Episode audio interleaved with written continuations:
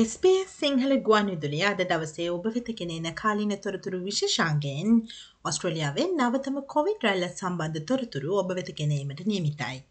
එහිදී එළඹෙන නත්තලට පෙර ඔස්ට්‍රලියයානුවන්ට පස්සන කොවිඩ් මාත්‍රාව ලබා ගැනීමට හැකියාවක් පවතීද යන්න පිළිබඳවත් ඒ වගේම රටපුරා කොවිඩ් රෝගීන් මතුවීමත් සමගම ඔස්ට්‍රලියාවේ එන්නත් උපදේශන ආයතනය විසින් නව ඔමික්‍රෝන් ප්‍රබදය සඳහා වන විශේෂිත බූස්ට එන්නතක් අනුමත කිරීම සම්බන්ධව නවතම තොරතුරුත් ඔබ වෙත ගැනීමට අප සූදානම්.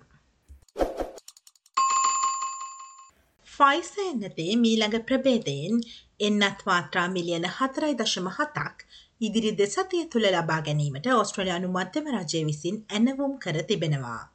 එම ෆයිස එන්නත වැඩි දියුණු කරන ලද මොඩෝනා බූස්ට එන්නත සමගින් දහටට වැඩි ඔස්ට්‍රලයානුවන් සඳහා තුන්වන සහ සිව්වන කොවිඩ් මාත්‍රා එනම් පළමු සහ දෙවන බූස්ට එන්නත් මාත්‍රා ලෙස භාවිතා කරනු ලබන අතර එය දෙසැම්බර් දොළොස්වනිදා සිට ක්‍රියාත්මක කෙරෙනු ඇති. නමුත් අවම වශයෙන් ලබන වසර වන තුරුම ඔස්ට්‍රලයානුවන්ට පස්වන කොවිඩ් එන්නත නැත්නම් තුන්වන කොවිඩ් බූස්ට මාත්‍රාව ලබා ගැනීමට හැකියාවක් නැහැ. රටපුරා කොරෝනා ආසාධතීන් සංඛ්‍යාව ඉහළයමින් තිබියදීත් ප්‍රතිශක්තය කරණය පිළිබඳ ඔස්ට්‍රලයානු තාක්ෂණික උපදේශක කණ්ඩායම විසින් පවසන්නේ ඔවුන් මෙම පස්වන කොවිඩ් එන්නත් මාත්‍රාව හෝ තුන්වන කොවිඩ් බූස්ට එන්නත ලබා ගැනීම නිර්දේශ නොකරන බවයි. ප්‍රතිශක්තිකරණය පිළිබඳව ඔස්ට්‍රලයානු තාක්ෂණික උපදේශක කණ්ඩායම විසින් සඳහන් කරන පරිදි අමතර බූස්ට එන්නතක් මගින් කොවිඩ් සිව්වන රැල්ල අවම කිරීමට අපහසු බව ඔස්ට්‍රලයානු මධ්‍යම රජයේ සෞඛ්‍යාමාත්‍ය මාක් පට්ල පැවසුවා. දෙදහස් විසිතුන වසරේ මුල්බාගේදී නව බූස්ට එන්නත සඳහා නිර්දේශ ඉදිරිපත් කිරීමට ඔවුන් අපේක්ෂා කරන බවද ඔහු වැඩිදුරටත් කියා සිටියා. පසුගිය සතිය තුළ ඔස්ට්‍රලියාව පුරා කොවිඩ්ඩා සධිතයින් සංඛ්‍යාව සයට හතලිස් හතකින් ඉහළ ගොස් තිබෙනවා. මධ්‍යම රජයේ ප්‍රධාන වෛද්‍ය නිලධාරී පෝල් කෙලි පවසන්නේ නව කොවිඩ් රැල්ලෙන් පසුව බූස්ට මාත්‍රාව ලබා ගන්නා පුද්ගලින්ගේ සංඛ්‍යාවේ සුළු වැඩිවීමක් සිදුව ඇති බවයි. මෙම නව කොවිඩ් රැල්ල පසුගිය සති කිහිපය තුළ ඉහළ යමින් පවතින බව පවසන ඔහු එය සිංගප්පුරුවෙන් මෑත් ඇති වූ කොවිඩ් රැල්ලට සමානව කෙටි හා තියුණු ලෙස ආසාධිතීන් සංඛ්‍යාව ඉක්මනින් ඉහළ ගොස් ඉක්මනින් පහත වැටිය යුතුයයි අපේක්ෂා කරනවා.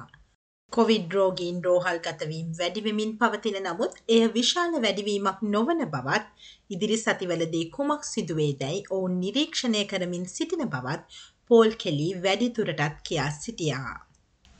ඔස්ට්‍රලියාව සිව්වන කොවිඩ් රැල්ල සමඟ කටයුතු කරන විට රටේ ප්‍රමුඛතම එන්නත් උපදේශන ආයතනය විසින් ෆයිස බයිවේලන්ට එන්නත බූස්ට එනතක් ලෙස භාවිතා කිරීමට අනුමත කර තිබෙනවා. මුල් කොවින් ප්‍රබේදයට සහ ඔමික්‍රෝන් ප්‍රබේදයට එරෙහිව ආරක්ෂාව සපයන බයිවේලන්ට් එන්නත අවුරුදු දහට සහ ඊට වැඩි පුද්ගලීන් සඳහා එළඹෙන දෙසැම්බර් දොළොස්සනිදා සිට ලබා ගැනීමට හැකියාව තිබෙනවා. මෙම ෆයිස බයිවේලන්ට එන්නත යනු පසුගිය මාසේ මොඩෝනා බයිවේලන්ට් එන්නත නිකුත් කිරීමෙන් පසුව භාවිතය සඳහා අනුමත කරන ලද දෙවන බයිවේලන්ට් නැතහොත් දවිසංයුජ එන්නතයි. ප්‍රතිශක්තිකරණය පිළිබඳව ඔස්ට්‍රලයානු තාක්ෂණික උපදේශන කණ්ඩායම පවසන්නේ නව ෆයිස එන්නත කොවිඩ් වෛරසේ ප්‍රබේද දෙකටම එරෙහිව ප්‍රතිශක්ති කරන ප්‍රතිචාරය යම් දියුණුවක් ඇතිකිරීමට සමත් වූ බවයි. මධ්‍යම රජයේ සෞඛ්‍යමාත්‍ය මාක් බට්ල පවසන්නේ නව එන්නත් වැඩසටහන වැඩිවන කොවිඩ් ආසාධිතින් සංඛ්‍යාවට එරෙහිව සටන් කිරීමට තවත් මෙවලමක් වනු ඇති බවයි.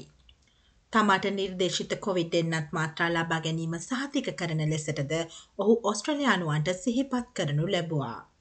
දෙවන කොවිඩ් මාත්‍රාවෙන් ලැබෙන ආරක්ෂාව කාලයත් සමග අඩුවීමට පටන් ගන්නා බැවින් නියමිත පරිදි නිර්දේශිත බූස්ට මාත්‍රාවන් යාවත්කාලීනව ලබා ගත යුතු බවත ඔහු අවධාරණය කරනු ලැබවා.